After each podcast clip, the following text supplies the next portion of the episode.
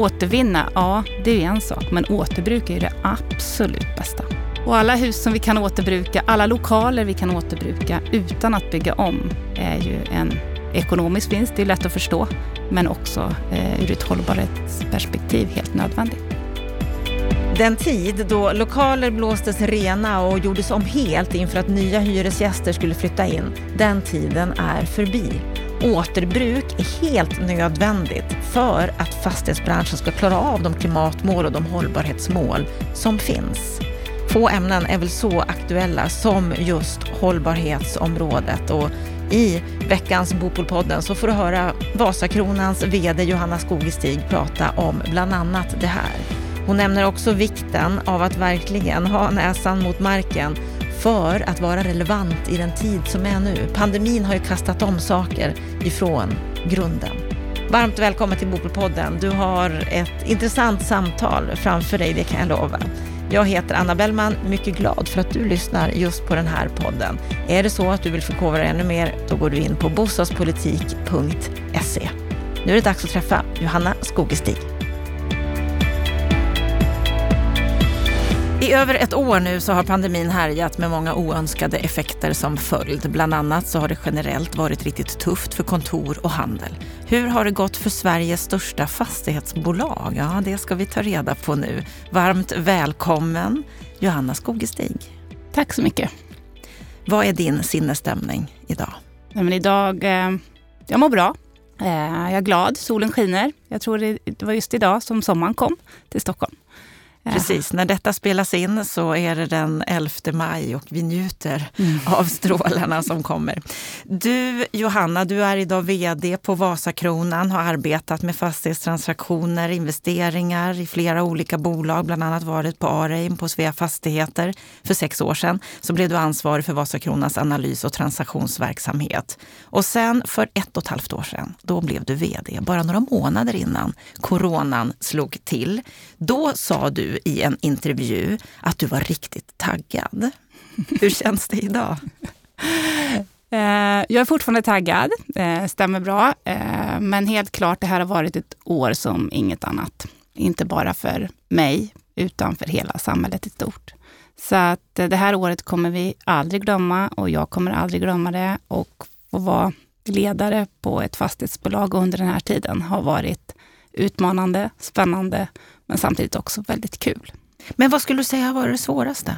Nej, men det svåraste, eftersom jag var ganska ny på rollen, i rollen, så det är väl det här att hålla siktet framåt och långsiktigt eh, samtidigt som man står inför helt nya frågeställningar, här och nu-frågor. Hålla den balansen när det marknaden förändras så pass snabbt. Eh, försöka hitta en balans mellan inte fastna i akuta släcka bränder eh, här och nu-frågor, men ändå samtidigt försöka liksom hålla siktet framåt. Eh, det för mig som ny på rollen tycker jag har varit lite utmanande och något som man har fått tänka på.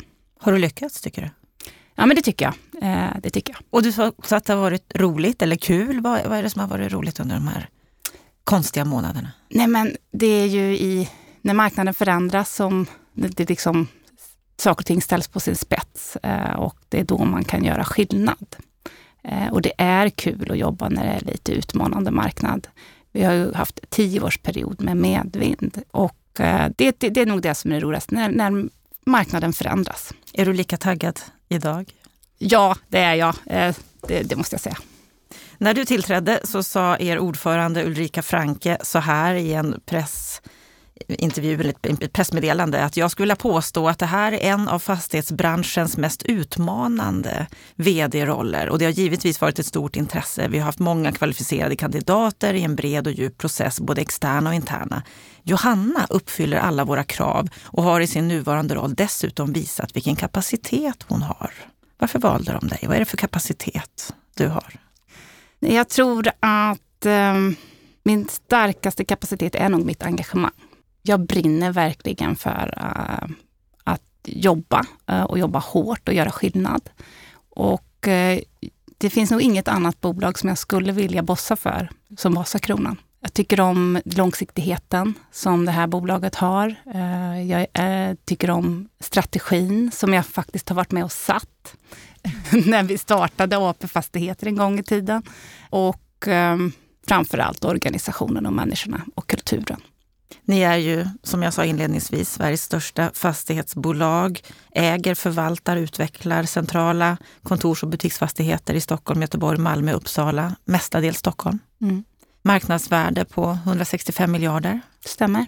170 fastigheter, mm. 310 ungefär anställda. Det är en stor apparat. Ja.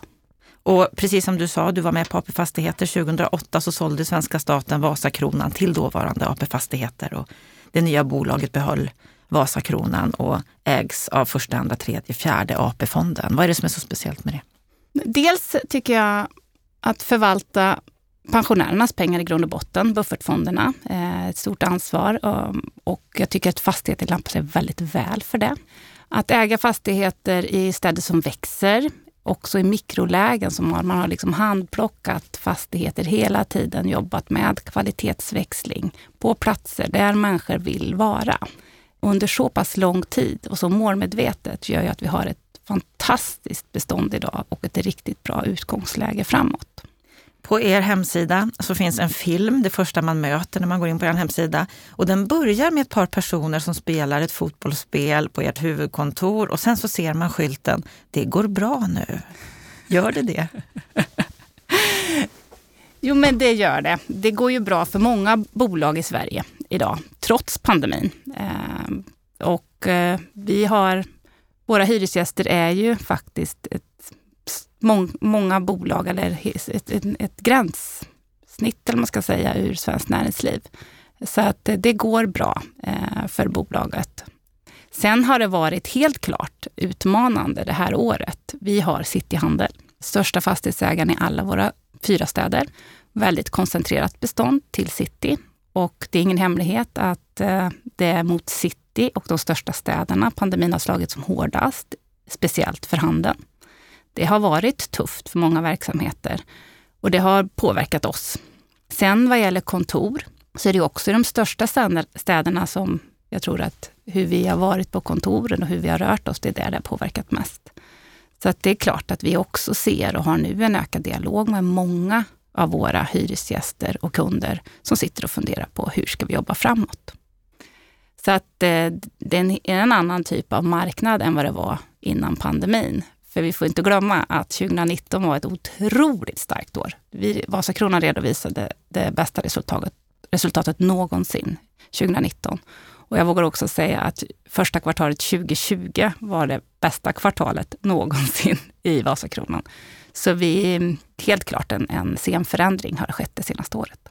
Och har ni också förändrat ert sätt att liksom hålla näsan mot marken och, och ge nya råd nu då till era hyresgäster? En sak som jag känner att vi har en enormt bra plattform att stå på på Vasakronan, för vi har under en ganska lång tid jobbat mycket med arbetsplatsrådgivning, arbetsplatsstrategier, har varit väldigt rådgivande till våra kunder. Redan 2012, så när vi flyttade till vårt kontor i centrala Stockholm, så jobbade vi själva aktivitetsbaserat. Och det vill säga att ingen har någon egen arbetsplats, inte VD, inte jurister, ingen. Eh, man sätter sig och jobbar där på den platsen som fungerar bäst för arbetsuppgiften och för den dagen. Och eh, det var vi tidiga med och vi har testat det. Eh, har helt papperslöst kontor sedan 2012. Väldigt vana att jobba på det sättet. Jag tror det är över 100 000 personer som har varit och tittat på vårt kontor över tid. Så vi, vi brinner för det här att utforma kontor som passar olika verksamheter. Och vi vet också att det finns ingenting som ett kontor som passar alla. Så att vi har en bra kunskap och kompetens i bolaget kring just de här. Och väldigt många av mina medarbetare brinner för den här frågan och älskar att prata om det. Så att, eh, ja, jag ska säga att den typen av frågeställningar har ökat det senaste året. Men vi är väldigt väl förberedda på den delen. Men det är en väldigt speciell tid nu. Går det att vara väl förberedd? Det, det, gör det. För det här med aktivitetsbaserat, det tror jag vi alla har lärt oss nu under det här året. Även de mest skeptiska personerna som sagt, nej men jag vill ha min egen arbetsplats och så där, det inser man att nej, under det här året så har man jobbat ganska snabbt ställt om att jobba hemma. Den aspekten som har kommit in, som fanns redan tidigare, det är ju det här digitala mötet. Det fanns ju också innan pandemin. Men det har ju verkligen accelererat och vi inser att det är väldigt många möten som vi kan ha digitalt. Väldigt många avstämningar som vi kan ha digitalt. Och det är väl kanske det nya. Hur, hur ser den här balansen ut? Fysiska möten, digitala möten för att ta ut det bästa av alla världar. Och här är det många som spekulerar och försöker spå vad som kommer att, att ske efter att pandemin är, är över, vilket vi ju hoppas att den är relativt snart. Och många undersökningar görs som visar att många av oss vill fortsätta att jobba hemifrån gärna halvtid och så spekuleras det kring kontorens framtid. Bland annat så kan vi då läsa i nyheterna här för ett par, par veckor sedan där SCBs chefstrateg Johan Javeus går ut och säger att en omfattande kontorsdöd är närmast oundviklig. Att all den kontorsyta som företagen idag förfogar över kommer inte längre att behövas i framtiden utan på sikt så är kontorets storhetstid över. Vad tror du om det? Jag är övertygad om att dåliga kontor eller, eh, och eh, dåligt utformade kontor, ja de är döda. Det är egentligen heller ingen nyhet. Vi vet ju att de kontoren som vi planerade för på 70-talet, 80-talet fungerar ganska dåligt även innan pandemin. Sen tror jag att vårt sätt att arbeta har definitivt förändrat under den här tiden. Men eh, jag tror fortfarande att ytan och lokalen behövs. Jag är övertygad om att företagen behöver ett hem, en plats där man kan bygga kultur, skapa innovationer och det är en plats där vi möts. Det är svårt att bygga kultur via en skärm.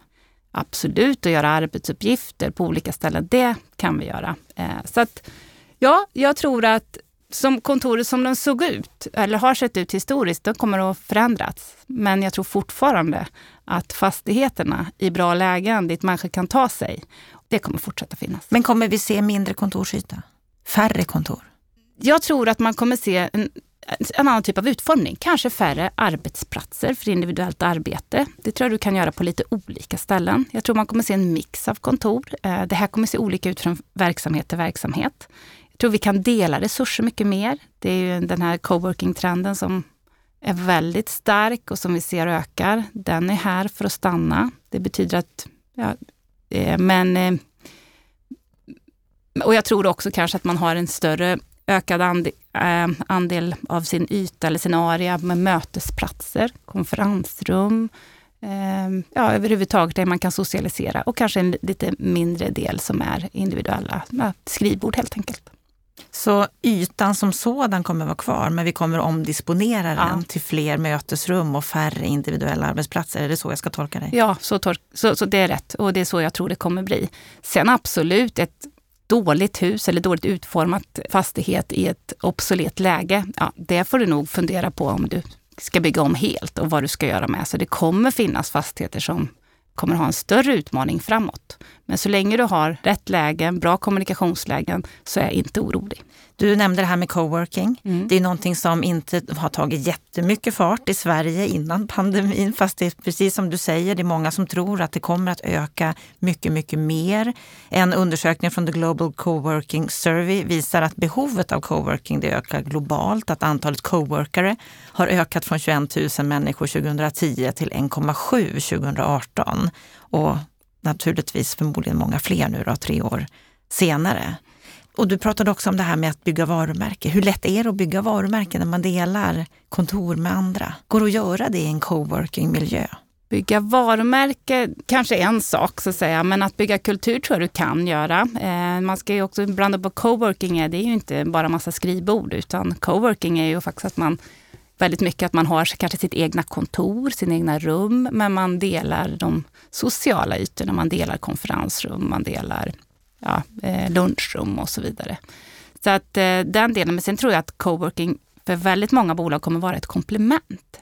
Det vill säga, man har ett kanske skräddarsytt kontor. Den trenden tycker jag mig se och höra att många företag tänker man har den här delen, ett skräddarsytt kontor för oss som är vårt hem, med liksom det vi vill välja hur det ser ut. Och det kanske inte är så stort, det är inte för att samla alla samtidigt. Men som komplement till det så har man mer flexibla lösningar som till exempel coworking eller eh, kontor som man hyr på kanske månadsvis eh, för att liksom kapa toppar eller man har speciella projekt. Den trenden tror jag kommer att öka. Hur mycket satsar ni på det här? Mycket. Vi har sedan 2015 vårt Smart och klart-koncept. Det var det vi började med när vi såg att efterfrågan på flexibla avtal ökade. kallar vi det Smart och klart-kontor. Och det var att vi inreder färdiga kontor med kaffemaskin, möblerat och så vidare. Det finns mycket sånt idag på marknaden eh, på, som hyresgäster kan hyra på en månadsbasis. Då var efterfrågan inte så stor, utan det blev att vi inredde de här kontoren och hyresgästerna flyttade in, men de flyttade aldrig ut, utan man trivdes så bra och man eh, satt kvar. Så att vi, vi har successivt, nu har vi ökat den andelen, så nu har vi närmare 60 sådana kontor i vårt bestånd. Under året som gått så öppnade vi vår första Vasakronan Arena, som är eh, vår coworking. Och vi har valt att öppna den på bästa läget i Sverige, eh, det vill säga i vårt egna Sergelhus precis vid Sergels torg. Och där har vi också som ett komplement till hyresgäster som sitter i vårt bestånd, som har ett, eh, en lokal eller ett kontor och sen som vill komplettera med platser inne i city. Men det är också såklart, för vi har också hyresgäster i vår arena redan nu som är, är nya hyresgäster hos oss som bara vill sitta eh, på, på coworking. Så att, eh, ja, vi satsar mycket på det, men det kräver en hel del av organisationen. Det är ett nytt sätt att tänka. Eh, en högre grad av service, en högre grad av, grad av tjänster och eh, man behöv, det sätter också höga krav på att digitalisera verksamheten. Att man ska kunna boka digitalt, enkelhet och så vidare. Så det där är utmanande och vi lägger mycket tid på det och det och vi kommer fortsätta göra det. Så att om man ska lyckas som fastighetsbolag idag och framåt efter pandemin, då handlar det om att se till att ha rätt fastigheter i rätt lägen mm. som är riktigt bra. Att man kompletterar med coworking och att man också kompletterar med tjänster, gärna digitala sådana. Ja. Enkelhet efterfrågas, flexibilitet efterfrågas och en högre grad av service. Och det handlar ju om besvärsfrihet. Många individer idag är väldigt bortskämda. Saker och ting ska gå fort, det ska gå enkelt och man vill inte binda upp sig på särskilt lång tid. Ni, ni slår er ju för bröstet, som sagt. I er film säger ni att det går bra nu. Det ni också säger det är att ni inte är som andra fastighetsbolag. På vilket sätt är ni inte det? Nej, men jag vågar nog säga att vi är väldigt långt framme på det här med att erbjuda flexibilitet och service och även inom att försöka digitalisera våra fastigheter. Eh, och det är vår ambition också, att vara ledande inom den här delen. Och det är det som gör att ni lyckas? Ja. Och du sa att det går bra för era hyresgäster också. Gör det det för era även mindre hyresgäster? Hur har de klarat pandemin? Den här krisen är ju väldigt spännande, om man nu ska uttrycka det så. Och det är väldigt polariserat. Vissa bolag går ju bättre än någonsin, medan flera verksamheter har haft fruktansvärt svårt. Och det är det här man ska navigera i, i den här miljön. Du möter hyresgäster, kunder som vars livsverk är helt borta. Samtidigt som du möter kunder som helt enkelt har tagit stora kliv eller var väldigt välpositionerade eller redan mycket, liksom, alltså den här pandemin har spelat dem i händerna och går bättre än någonsin. Så att eh, det där är svårt att säga. Det är stora bolag och det är små bolag. Och här har ni fått tag i en stor roll vad jag förstår och fått gått in och stötta de som inte går så bra, eller? Ja, vad gäller särskilt då de här mest utsatta branscherna och det här omtalade hyresstödet, så där, där man faktiskt ålade fastighetsägarna att gå in och bidra och, försöka, och ge hyresrabatter, där vi skulle stå för hälften och staten hälften. Det har varit utmanande. Vi har, eh, hade ju 800 hyresavtal under eh, omförhandling eller under diskussion under den här tiden, när pandemin bröt ut. Och man ska inte glömma det. Vad var det? 12-13 mars när Folkhälsomyndigheten sa att nu stannar vi hemma och begränsade vår rörelsefrihet, eller vad säger, att mm. man, man, städerna blev helt, helt enkelt tomma. Så när kvartalshyran, kvartal två, skulle betalas, redan den 25 mars stod regeringen på en presskonferens och sa, nu är det fastighetsägarna, ska ni ta ert ansvar. Det är nu ska ni börja lämna rabatter. Det där var ju en tuff situation och ett stort ansvar som man la på fastighetsägarna både välja och liksom bedöma vilka som har rätt till rabatt, men också den administrativa eh, och så här, Så här när, man, när vi ser 14 månader senare, var, var det rätt agerat tycker du? man ska ha respekt för de beslut som fattades under den tiden. Eh, det här var ju något helt nytt för så många och eh, jag har också respekt för att regeringen ville skicka ut alla, allt stöd som de kunde. Så och efter det, har de agerat rätt efter det? Det jag tycker är högst olyckligt är att jag, jag, kan köpa och jag kan förstå att det där gick ut första kvartalet, eller andra kvartalet då när, när pandemin precis bröt ut. Men att sen förlänga det tycker jag var fel. Varför då? För då hade vi hade de andra verktyg som omställningsstöd till exempel, som funkar lika bra. Problemet var att det segade efter och eh, att hyresstödet, man, när man lägger två stöd parallellt, det tycker jag är högst dumt. Och det blir också förvirrat. Och det blir en pedagogik för att prata med speciellt de här mindre verksamheterna. Men ge oss 50% rabatt eller som det blev här i den här förlängningen 100% rabatt. Som, och så vi skulle kunna stå till hälften. Det har varit en onödig diskussion eh, och det har också visat sig att det är väldigt få verksamheter som träffas av det här och som har använt det. Så att, eh, det, det, tycker jag var synd eh, och, det vill jag inte, och felaktigt. En annan bransch som ju ni jobbar oerhört mycket med, inte bara kontor, utan som ni har som hyresgäster, det är ju, det är ju butiker, butikslokaler. Mm. Hur är det med den branschen idag? Du säger citylägen, det blev helt tomt på gatorna. Mm. Det var tufft. Det är tufft och de, många har det fortsatt tufft. Eh, sen kan man titta, handeln i stort har gått ganska bra. Vi har ganska mycket pengar över eh, konsumenterna. Så att överlag så går det ju bra, men vi handlar ju mycket mer på nätet. Så fysisk handel har det tufft och cityhandeln har haft det jättetufft. Nu tycker jag mig se en viss framtidstro hos många verksamheter och jag tycker mig också se att man inser de här skyltlägena i city är viktiga att ha.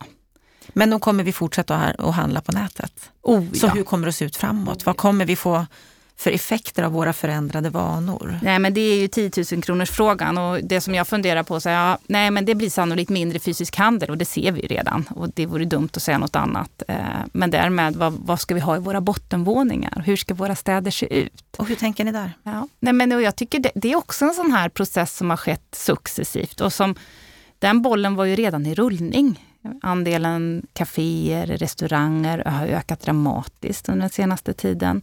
Eh, och det handlar ju om att man vill använda citykärnorna till att träffas och ses. Det tror jag kommer bestå. Det här med att vi äter ute i högre utsträckning. Hotellen har tagit en hel del av bottenvåningarna. Andra typer av mötesplatser helt enkelt. Annan typer av service. Nagelvård till exempel, eller annan typ av, av skönhetsvård har ju också liksom tagit våra gatuplan i, i besittning. Så att eh, den här eh, trenden kommer fortsätta. Eh, jag har inte svaret och det tror jag väldigt få har. Och jag tror men hur man... tror du att den kommer att påverka er som fastighetsägare? Nej, men jag tror att det som den här pandemin har, tycker jag, blivit väldigt tydlig, det är att vi som fastighetsägare, vi måste följa med de förändringar som sker i samhället. Vi har ganska trögrörliga investeringar, det vill säga det, det är fastigheter som kräver ganska stora investeringar varje gång vi ska byta verksamhet. Och det där behöver man ju tänka till på som, som fastighetsägare. Att eh, behöva byta kuliss helt enkelt. Ganska ofta. Och hur gör vi det på ett smart sätt? Så att eh, om vi är scenarbetarna så får hyresgästerna och verksamheterna i bottenplanen vara skådespelarna. Och då behöver du byta kuliss ganska ofta för att vara relevant. Eh, det betyder också att man behöver se över kanske hyressystemet, det här med besittningsskydd.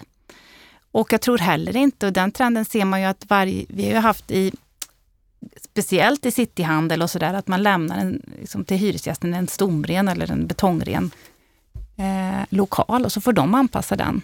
Nu tror jag vi får ta större ansvar för den typen av anpassning. Det kräver mer investeringar. Välkomnar du den utvecklingen eller känns det lite ja. jobbigt och, och dyrt?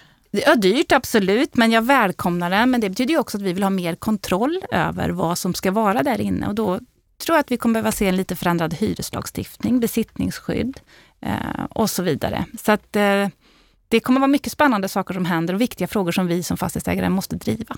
En annan fråga som, som jag skulle vilja ta upp med dig uh, i det här samtalet, det är ju en av de viktigaste frågorna vi har globalt idag. Det har ju med hållbarhet, klimat, mm. att göra. Ni har ju ett väldigt ambitiöst mål på Vasakronan att vara klimatneutrala 2030 i hela värdekedjan, mm. säger ni. Mm. Vad betyder det?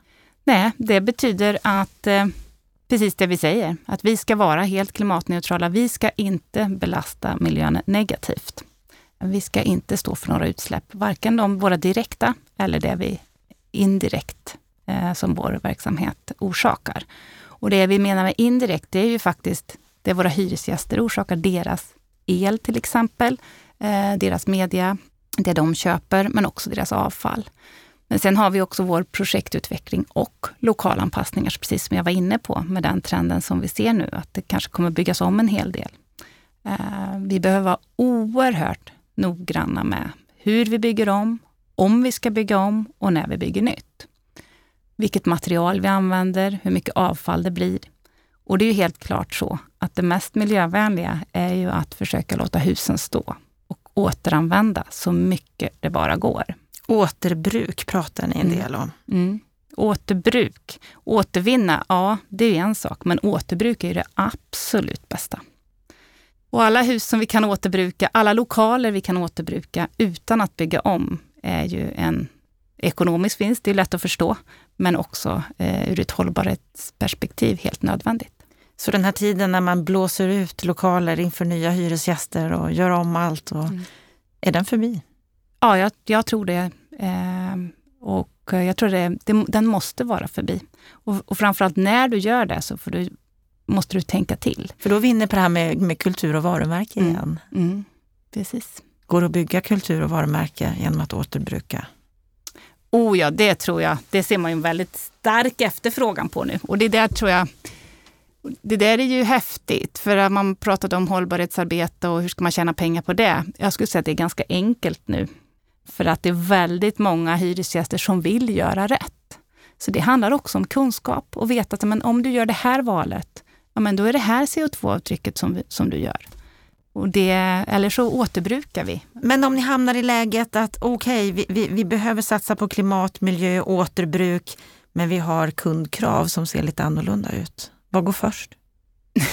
ja, nej, men det där, det där tycker jag är en spännande fråga. Jag tycker det går hand i hand. Jag tycker det finns en stor förståelse för hos kunderna. Eh, och sen så har man sett, vi, vi har ju saker kvar att göra. Vi kan bli bättre beställare. Vi är, bygg, vi är en av Sveriges största byggherrar. Vi måste ställa mer krav när vi beställer hus. Eh, och vi behöver utmana oss själva och se så här, men kan det här gå? Vad är det viktigaste att göra annorlunda? Men alltid så här utmana, kan, vad kan vi göra med det här huset som står? Inte ta den här enkla lösningen som man får, så här, men riv ner och bygg nytt. Eh, alltid gå med så här, vad, vad, vad, vad, kan vi behålla här? Det, den är viktig. Och sen också alltid utmana. Eh, utmana vem? Eh, entreprenören, inte minst. Men också kunden. Eh, och jag tror det här är mycket pedagogik, mycket kunskap. Och jag tycker vi har ju varit att bygga, fattade beslut för några år sedan att bygga trähus i Uppsala. Och det kan man tycka så här med, i backspegeln, men var det något svårt beslut? Ja, men det var det faktiskt. Vi stod och hade färdigprojekterat ett stål och betonghus, traditionellt hus. Och sen så var det någon som väckte frågan, ska vi verkligen göra det? Och så tittade vi på CO2-avtrycket. Ska vi inte testa att bygga i trä? För nu pratar vi ett större hus. Ett större hus. Eh, det är 13 000 kvadratmeter i Uppsala. Och vi tittade och gjorde fördelar och nackdelar och det hade inte byggts ett sånt stort hus för kontor innan och eh, det hade inte riktigt testats. Vi hade inte jättemånga entreprenörer som hade bra erfarenhet av det. Och man, ja, alla de här frågeställningarna som kommer med trähus. Men eh, vi fattade beslutet att vi testar. Det krävdes att vi behövde göra om detaljplanen i, eh, med Uppsala kommun. De mötte upp, eh, gjorde en fantastiskt snabb process, för det handlade om höjder. Eh, vi fick till ett hus färdigritat och vi bestämde och tog beslut om att bygga i trä. Det här är då drygt 10 000 kvadratmeter uthyrbar area i Uppsala, som inte är en jättestor stad. Vi hade ungefär 40 procent uthyrt när vi satte spaden i marken. Men det, sen ringde hyresgäster till oss och bad att få sitta i det här huset. Så eh, för att det just var den här profilen. Man vill vara med på den här resan. Så att ja, går lönsamhet och hållbarhet ihop? Jag tycker det är liksom ett sånt fantastiskt kul exempel. Så vad skulle du säga är det viktigaste för att fastighetsbranschen nu då, efter den här pandemin som har varit lite av ett akut läge, mm. vad är det viktigaste för att fastighetsbranschen ska fortsätta att utveckla och utvecklas på ett riktigt bra och hållbart sätt? Nej, men jag, jag tycker att det här med att ställa om eh, och vi håller på med hus och de ska stå för evigt. Och då ska vi också ta det på allvar, de husen som står. Hur kan vi använda dem så att de, så vi faktiskt inte river ner och börjar från början? Finns det någonting du skulle vilja se i förändring från politiskt håll? Support helt enkelt och detaljplaner. Eh, att man verkligen tittar över de här detaljplanerna som är. Funkar det här hållbarhet, på, ur ett hållbarhetsperspektiv? Lite mer flexibilitet. Eh, och det där du ska veta, liksom när man planerar ett område så sätter man ju det kanske innan man sätter spaden i marken så är det kanske fem år gammalt. Det tar lång tid. Och då behöver vi flexibilitet i, den, i de planerna. För att utvecklingen går så pass mycket framåt. Så finns det ny teknik som vi kan använda. Eh, och nya, framförallt nya användningsområden inom varje...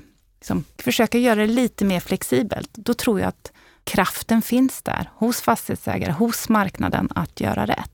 Så att eh, där är det. Sen också hyreslagen, momslagstiftning. Det finns massa saker när vi ska dela mer som man behöver se över i ljuset av detta. Kommer ni lyckas bli klimatneutrala till 2030? Ja, det tror jag. Du tror? Mm. Du är inte övertygad? Jo, det är jag. Och jag, men det var jag helt övertygad om är att om man inte sätter det målet så blir man det absolut inte. Stort lycka till mm. att nå det målet och tack för att du kom till Bopolpodden, Johanna Skogestig. tack.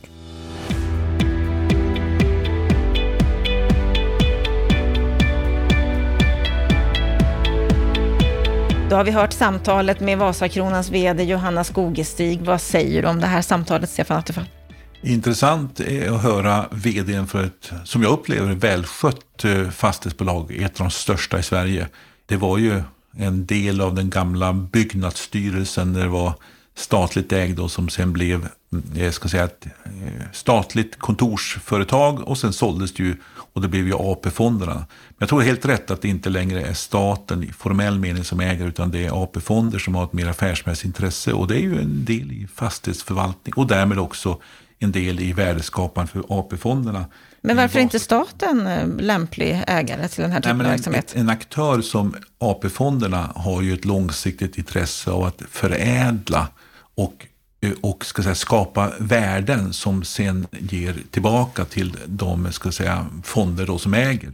Staten har inte samma drivkraft. Staten blir den som sköter om mest pliktskyldigt. Det, det, finns inte samma drivkrafter. Det är en annan organisation, andra typer av mekanismer och nyckeltal som styr en AP-fond jämfört med om det är statlig myndighet eller statligt verk eller statligt bolag. Så jag tycker nog att det var rätt att det såldes och jag tror att det har mått bra att vara i en annan miljö. Och jag tror att Vasakronan idag är ju ett mycket mera välskött och ett utvecklat bolag som har skapat eh, tillväxt och värden för, för ägarna helt enkelt. Mm. Det är ju Sveriges största fastighetsbolag och vi pratade ju en hel del om det här med pandemin, att den har förändrat mycket. Och hon tror ju inte att vi behöver mindre kontorsytor. Vad säger du om det? Alltså, hon har eh, rätt i att Eh, Eh, pandemin har ju fått vissa effekter. Jag tror att det, det, det hennes resonemang om att det kommer också påverka hur vi ser på kontorsytor i framtiden. Men vi ska komma ihåg att det finns två krafter som verkar mot varandra. Dels det här att vi kommer att jobba mycket mer hemifrån. Vi kommer, tror jag, gå mot kontorsmiljöer som inte är så mycket ska säga, fasta, låsta eh, arbetsrum helt enkelt. Men vi har också en tillväxt framför oss. Det kommer att växa antalet personer som ska jobba på kontor. Så att de här krafterna kommer att motverka mot varandra. Så att totalt sett tror jag inte det kommer att bli någon kontorsdöd. Men hon har rätt i, har man fel fastighet i fel läge och som inte sköts bra, då kommer man få det tufft. Det är ingen snack om saken. Men har du välskötta fastigheter i bra lägen, då tror jag inte man behöver vara så orolig för att inte man kan hyra ut. Men det blir en annan typ av innehåll och det tror jag att där tycker jag de, de tänker rätt, Eh, eh, Vasakronan. De pekar ju här på i, i, samtalet på att vi måste vara mer flexibla. Vi måste tänka mer på att man kanske vill bo kortare stunder i lokalerna. Man kanske, inte ska eh, man kanske har en slags standardutrustning med högre tjänsteserviceinnehåll och sen så hyr man in sig där. Alltså det blir en annan typ, om vi pratar om coworking och arbetslokaler som man kanske har på olika ställen Alltså jag tror att vi får en annan flexibilitet, mycket mer av service, mycket mer digitala tjänster som krävs. Så att den fastighetsvärd som är på tårna här och möter kundernas behov av flexibilitet exempelvis, den kommer att vara lyckosam. Men den som bara trött rullar på i gamla hjulspår och tror att allt går att hyra ut utan ansträngning, de kommer att få jobbigt. Detta med butiksdöden i centrum som vissa har varnat för, att centrumlägen blir tuffare. Vad säger du om det? Ja, jag tror att det, jag tror att det där är en, en, en realitet. Vi har ju det, det, eh, att vi handlar mer och mer på nätet. Vi har logistikfastigheter som växer i betydelse och vi distribuerar mycket mer den vägen. Och så blir det mindre av kontors, eh, butikshandel. Va? Och eh, då blir ju också frågan, vad ska vi ha på bottenvåningarna som hon säger i fastigheterna som finns då exempelvis i centrala lägen. Eh, och det blir en trend mot mer av upplevelser, kaféer, restauranger men också andra typer av mötesplatser. Och jag tror att hon har helt rätt i att där, där kommer det ske en förändring. Alltså våra stadskärnor blir inte bara butikslokaler utan blir massa andra saker. Men där gäller, även där tror jag att vara kreativ och uppfinningsrik. För jag tror att det kommer att vara tuffare och tuffare att ta ut de här höga hyrorna i, i bottenplanet. Självklart, vissa lägen kommer alltid att fungera. Men, men vi har ju en trend också att man vill som kommuner bygga stad, säger man. Då vill man ofta ha liv och rörelse i gatuplanet. Men eh, hitta de attraktiva sakerna. Samhällsinstitutioner som har verksamhet mot medborgare och kunder kan vara en mycket viktig aktör att få in de här lokalerna. Så att det kommer att ske en förändring sakta men säkert.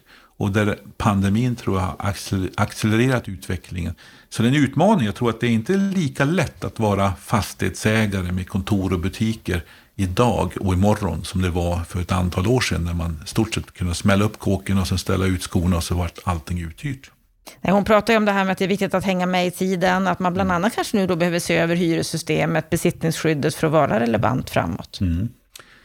Ja, och det finns säkert, jag kan inte alla lagtekniska delar i, för kontor och butiker, men jag tror att just det här med att kunna hyra på kortare kontrakt, kunna vara mer flexibel, kunna, som hon själv är inne på, att inte man blåser ut en butiks eller kontorslokal och så inreder nästa hyresgäst det hela för att bo där i tio år. Eh, det där kommer nog att vara mindre och mindre av i framtiden, utan det är mer och mer kanske att, ja, som hon själv var inne på, att man kanske har ett utbud från fastighetsägarens sida och så anpassar man det lite grann till en ny hyresgäst som kanske hyr på kortare tid, mycket mer flexibla kontrakt. Och så laddar man mycket mer med service och digitala tjänster. Jag tror att också det är en, en framtidens väg. Så att jag tror att det, det, kommer att krävas mycket mer fastighetsägare. De måste vara mycket mer på tårna. Och eh, det gör att det blir en utmaning. Och jag tror att Vasakronan är lite ledande här och kan nog visa vägen. Men eh, den som inte är på alerten kommer att få jobbigt. Det vi också tog upp och pratade mycket om, det är ju en hjärtefråga för Vasakronan, nämligen det här med hållbarhet. Mm. Att hon pratade om vikten av återbruk, att det är helt nödvändigt för fastighetsbranschen. Mm. Ja, jag Vad tycker att hon resonerar jättesunt. Hon, Vasakronan har ju historiskt sett varit duktiga och varit i framkant när det gäller att eh, jobba med olika typer av miljöfrågor och klimatfrågor. Eh, och hon verkar ju vara helt inne på den linjen. Eh, och det är ju helt rätt. Alltså, huset som står där, det är ju alltid bättre ur en slags resurssynpunkt att man bevarar och utvecklar den fastigheten än att man ska riva och bygga nytt. Och det gäller ju också självklart, som vi har nämnt om inredningar också. Att man inte att man försöker återanvända, återbruka och eh, försöka förnya eh, fastigheter istället för att riva eller att eh, blåsa ut det hela. Eh, jag tror att eh, hon talar om att utmana både entreprenörerna och kunderna i ett nytt tänkande. Och jag tror att det ligger någonting i det. Alltså, och det kommer med tiden här nu. Alla börjar tänka mera i hållbarhetstermer. Ekonomiskt, socialt, men ekologiskt också. Och att få ihop de där världarna, det måste varje seriös fastighetsägare och varje seriöst företag tänka på. Mm. Hon pratade om det där vikten av att bli en bättre beställare, vikten mm. av att kravställa bättre, men hon sa ju också det att det är viktigt att få mer support och hållbara planer från politiskt håll. Mm. Jo, men jag tror att hon är inne på, alltså det måste finnas ett, en, en, ska vi säga, en ramverk, både politiska styrmedel och, och ramar, men också en opinionsmässigt ramverk, det vill säga att man känner att ja, men dithän går vi nu och alla är, måste gå åt samma håll. Det skapar ju förutsättningar också för en fastighetsägare att ligga i framkant. För känner man att man jobbar i motvind, ja men det går inte. Men känner man att man jobbar medvind, och så tror jag man börjar uppleva det. Det är, det är en medvetenhet i alla delar av ett samhälle idag för de här frågorna. Det var det inte för 20 år sedan och 10 år sedan kanske. Men idag är det det. Och, och, nu, nu är det på högt på agendan och vi börjar få in det i tänkandet i alla led. Och då kan vi se riktiga och viktiga resultat tror jag. Då har vi hört samtalet med Johanna Skogestig och Stefan Attefalls kommentar på det. Då har det blivit dags för veckans Aktuellt som vi sände i fredags.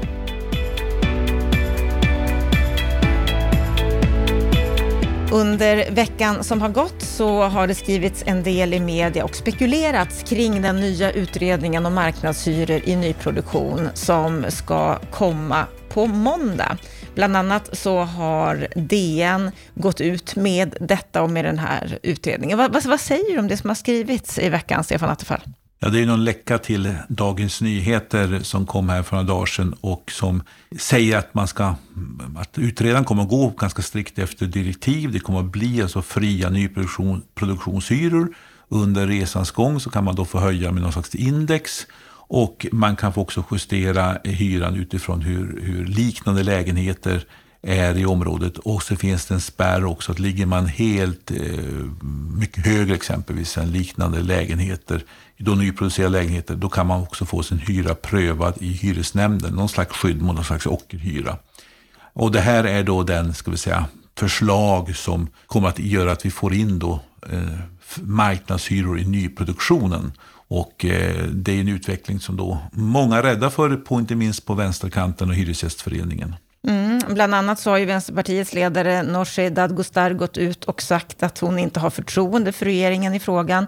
Vi tycker att regeringen fäller sig själv om de struntar i sitt eget underlag. Det här har hon sagt till Aftonbladet. Vad säger du om den kommentaren? Att regeringen ja, fäller sig själv?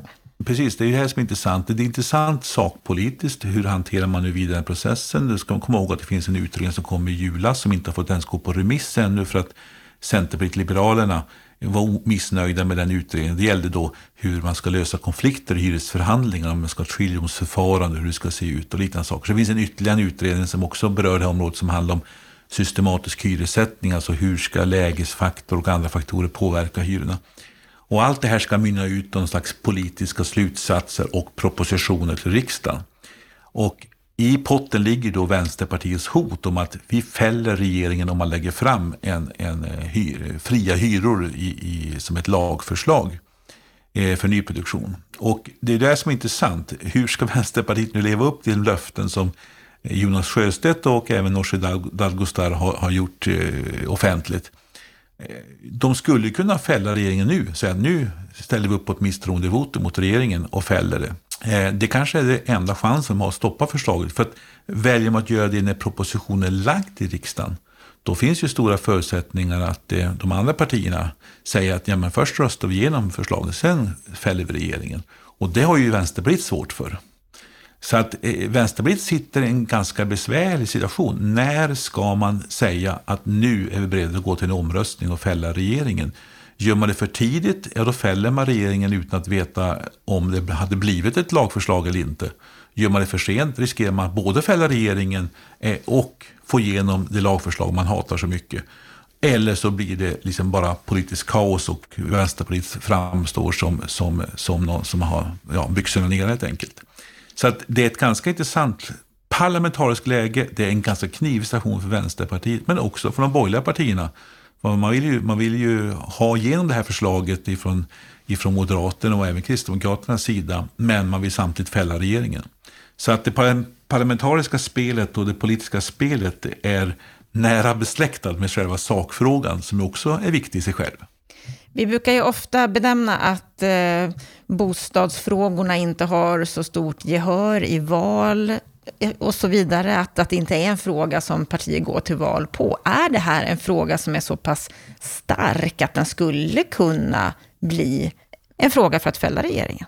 Ja, alltså, eh, det är så Vänsterpartiet har hotat och eh, samtidigt har ju Centern och Liberalerna bundit upp sig enormt mycket för att få igenom det här. Det är liksom ett av de starka skälen till att släppa fram Socialdemokraterna till regeringsmakten. Så att den har enormt sprängstoff nu i ska säga, upploppet till valrörelsen. Samtidigt vill ju Socialdemokraterna helst skjuta frågan bortanför valdagen. Därför att de har ju en, mycket interna problem i detta. De ska lojala mot den överenskommelsen, de har gått med på det här. Samtidigt har de Hyresgästföreningen, Vänsterpartiet och starka krafter inom socialdemokratin som inte alls vill veta av det här. Och hur de ska få ihop den här kompromissen och gå skadelösa genom valrörelsen. Ja, det, det, det, är, det är politisk konst på hög nivå.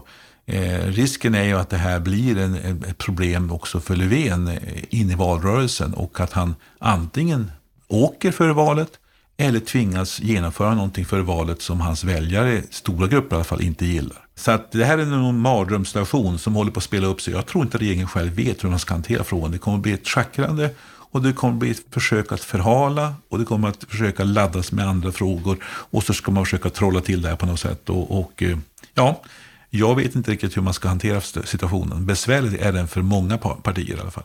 Och om några dagar så ska ju den här utredningen offentliggöras. Hans Lind, han har på bostadspolitik.se skrivit en krönika, han gjorde det den 20 maj, som heter “Därför är det bra med marknadshyror i nyproduktionen”. Va, va, vad säger du om hans syn han på det här? Han gör en ganska realistisk tycker jag, genomgång av vad betyder det här egentligen och kommer fram till att det, det, har ju så mycket övertoner i diskussionen. Han, hans, eh, det här kommer inte att leda till några stora hyreshöjningar i nyproduktion, säger han, därför att vi ligger redan på marknadsmässiga nivåer i ny, nyproduktion. Med presumtionshyresystemet där man kan ta ut de fulla kostnaderna. Och, och en byggare kan inte liksom ta ut mer än vad man, vad man, kan få uthyrt för. Va? Så att jag skulle påstå att den fastighetsägare som, som bygger ett, ett flerbostadshus och, och tror att det går att höja hyrorna radikalt mycket. Ja, det finns kanske enskilda lägen, enskilda centrala lägen i våra storstäder där man kan göra det. Där det finns en köpkraft för att eh, få ut lite högre hyror. Eh, så att någon dramatisk effekt får det inte. Det kan leda till att man kanske gör lite fler hyresrätter där det annars skulle ha byggts någon bostads, bostadsrätt. Det är möjligt att det får sån effekt. Men totala utbudet av bostäder kommer inte att påverkas på kort sikt. För det styrs ju av hur mycket detaljplaner som kommer fram. Och det är jättelånga ledtider de. Det vi bygger idag, det är detaljplaner som började jobbas med för fyra, åtta år sedan. Eh, och han säger också att det här kommer att leda till, kommer inte att per automatik leda till att det införs marknadshyror i, i hela landet. Eh, men på sikt så kan ju det här äta in sig i beståndet. Och det är klart, går det tio år, då är det 10 procent av beståndet som är marknadshyror. Och så har ju, vi har haft ett antal länder, Norge har gjort så, Danmark också. Man har alltså vid en viss årgång sagt, sagt att nu är det som byggs här efter eh, marknadshyror. Och klart på 10, 20, 30 års sikt så får det ju en stor effekt. En större del av bostadsmarknaden blir då marknadshyror. Eh, och, så att visst, Hyresgästföreningen har ju rätt i att det här kommer påverka på lång sikt, men det är just på lång sikt. Och sen har han då också en del, en del olika andra resonemang. Men han, han för ett relativt balanserat resonemang, så jag rekommenderar er att läsa den. Som visar på att det här har ingen större dramatik i det korta perspektivet. Men klart, långsiktigt kan det få en större effekt. Vi ska gå vidare med just bostadsbyggandet och ta upp SCBs nya siffror om byggandet. Att det har gått upp under första kvartalet 2021 och framförallt då när det gäller flerbostadshus, inte för småhus. Vad säger du om den här statistiken? Ja, det är alltså siffror som kom från SCB nyligen om att första kvartalet är 24 procents ökat bostadsbyggande i Sverige av påbörjade lägenheter. Det är alltså de som har fått startbesked. Och det är alltså framförallt då flerbostadshus som har ökat. Medan småhusbyggandet eh, har minskat något första kvartalet 2021 jämfört med första kvartalet 2020. Och då ska vi komma ihåg, var har vi de största prisökningarna just nu? Jo, det är på småhus. Varför det? Ja, dels därför att det ägda boendet är långsiktigt alltid billigare än det, det hyrda boendet, särskilt om vi pratar om nya eh, hus. Men också att preferenserna också påverkats i den riktningen nu att vi eh, i pandemin vill, vill ha mera ytor, komma lite närmare, vara hemma, jobba mycket mer. Plus en faktor som också är viktig, det är att den åldersgrupp, inte minst i exempel Stockholm, som nu efterfrågar ett eget hus, man ska bilda familj. Den åldersgruppen har ökat också, så att det är en större antal människor som är den åldern när man vill bilda familj och, och, och så. Allt det här driver upp småhuspriserna Och vi fortsatt låga räntor och folk har ändå god ekonomi. Men utbudet av småhus, byggandet av småhus, det är alltså rekordlågt och det är eh, lägre idag än vad det var för ett år sedan. Vilket visar på hur snurrig kommunernas planpolitik är. Mm, och det, som det ser ut just nu, ingen större förbättring av det här på sikt. Vi ska avsluta med eh, detta med kreditrestriktioner, att det är svårt för förstagångsköpare att komma in på bostadsmarknaden. Och där har SvD tagit upp ett exempel på en tjej som maxar CSN-lånet för att spara ihop till en egen lägenhet. Hon bor hemma hos föräldrarna, det är alltså en 22-årig student vi pratar om här, för att kunna spara ihop pengar och för att kunna då sen kunna köpa en liten tvåa eller en rymlig etta i Stockholm. Det känns långsiktigt smartare, säger hon. Vad säger du om det här systematiska sättet, taktiska sättet att använda CSN på? Jag tycker det är ganska intressant därför att hon har, hon har, hon har förstått det hela. CSN är ett eh, lån du får utan kreditprövning utan eh, villkor i övrigt. Och du får det, ska säga, en fast summa. Och det använder hon nu för att eh, bygga sig ett startkapital för att köpa sig en lägenhet. Och det är ju precis det här som hon kan utnyttja därför att hon har någonstans att bor och hon har en bra ekonomisk situation. Vad vi borde göra det är att ge alla ungdomar en chans att efter kreditprövning med en säkerhet kunna köpa sig en lägenhet med ett startlån som staten tillhandahåller eller någon typ av garantier. Så att jag tycker att hon gör någonting som alla borde få en chans att göra. Eh, och eh, det är ju det som bland annat en statlig utredning sitter och, och, jobbar med just nu. En sån här idé som de, regeringen äntligen har lyssnat in opinionen. Men det gäller att komma till skott. För att eh, det ska inte vara bara förunnat den här tjejen att kunna utnyttja ett sätt att få hjälp att bygga sitt startkapital för sin egen bostad. Det borde fler kunna få hjälp med. Men borde fler göra på det här sättet? Bo kvar hemma, ja, ta ut fullt CSN? Det har ju alltid gjort så att en del som har välbeställt har exempelvis använda CSN-lån för att placera pengarna på aktiefonder och låta dem jobba där för att man själv inte har behövt pengarna. Ehm, eh, så att det har ju funnits den möjligheten förut också av en del andra har utnyttjat det på olika sätt. Så jag tycker att det här visar bara på att eh, eh, våra kreditrestriktioner har slagit så att du tvingas tillgripa den här typen av metoder. Och det är ju fullt lagligt, men eh, det är ju inte särskilt många som kan göra så här. Ja, vi får se om den nya utredningen om marknadshyror i nyproduktion kommer att skaka om det parlamentariska läget så mycket så att Vänsterpartiet får igenom att fälla regeringen. Det är onekligen en intressant tid vi lever i just nu. Med detta så önskar vi på Bopolpodden dig en fortsatt fantastisk vecka. Du får jättegärna gå in på bostadspolitik.se om det är så att du vill förkovra dig mer. Må så gott så hörs vi snart igen.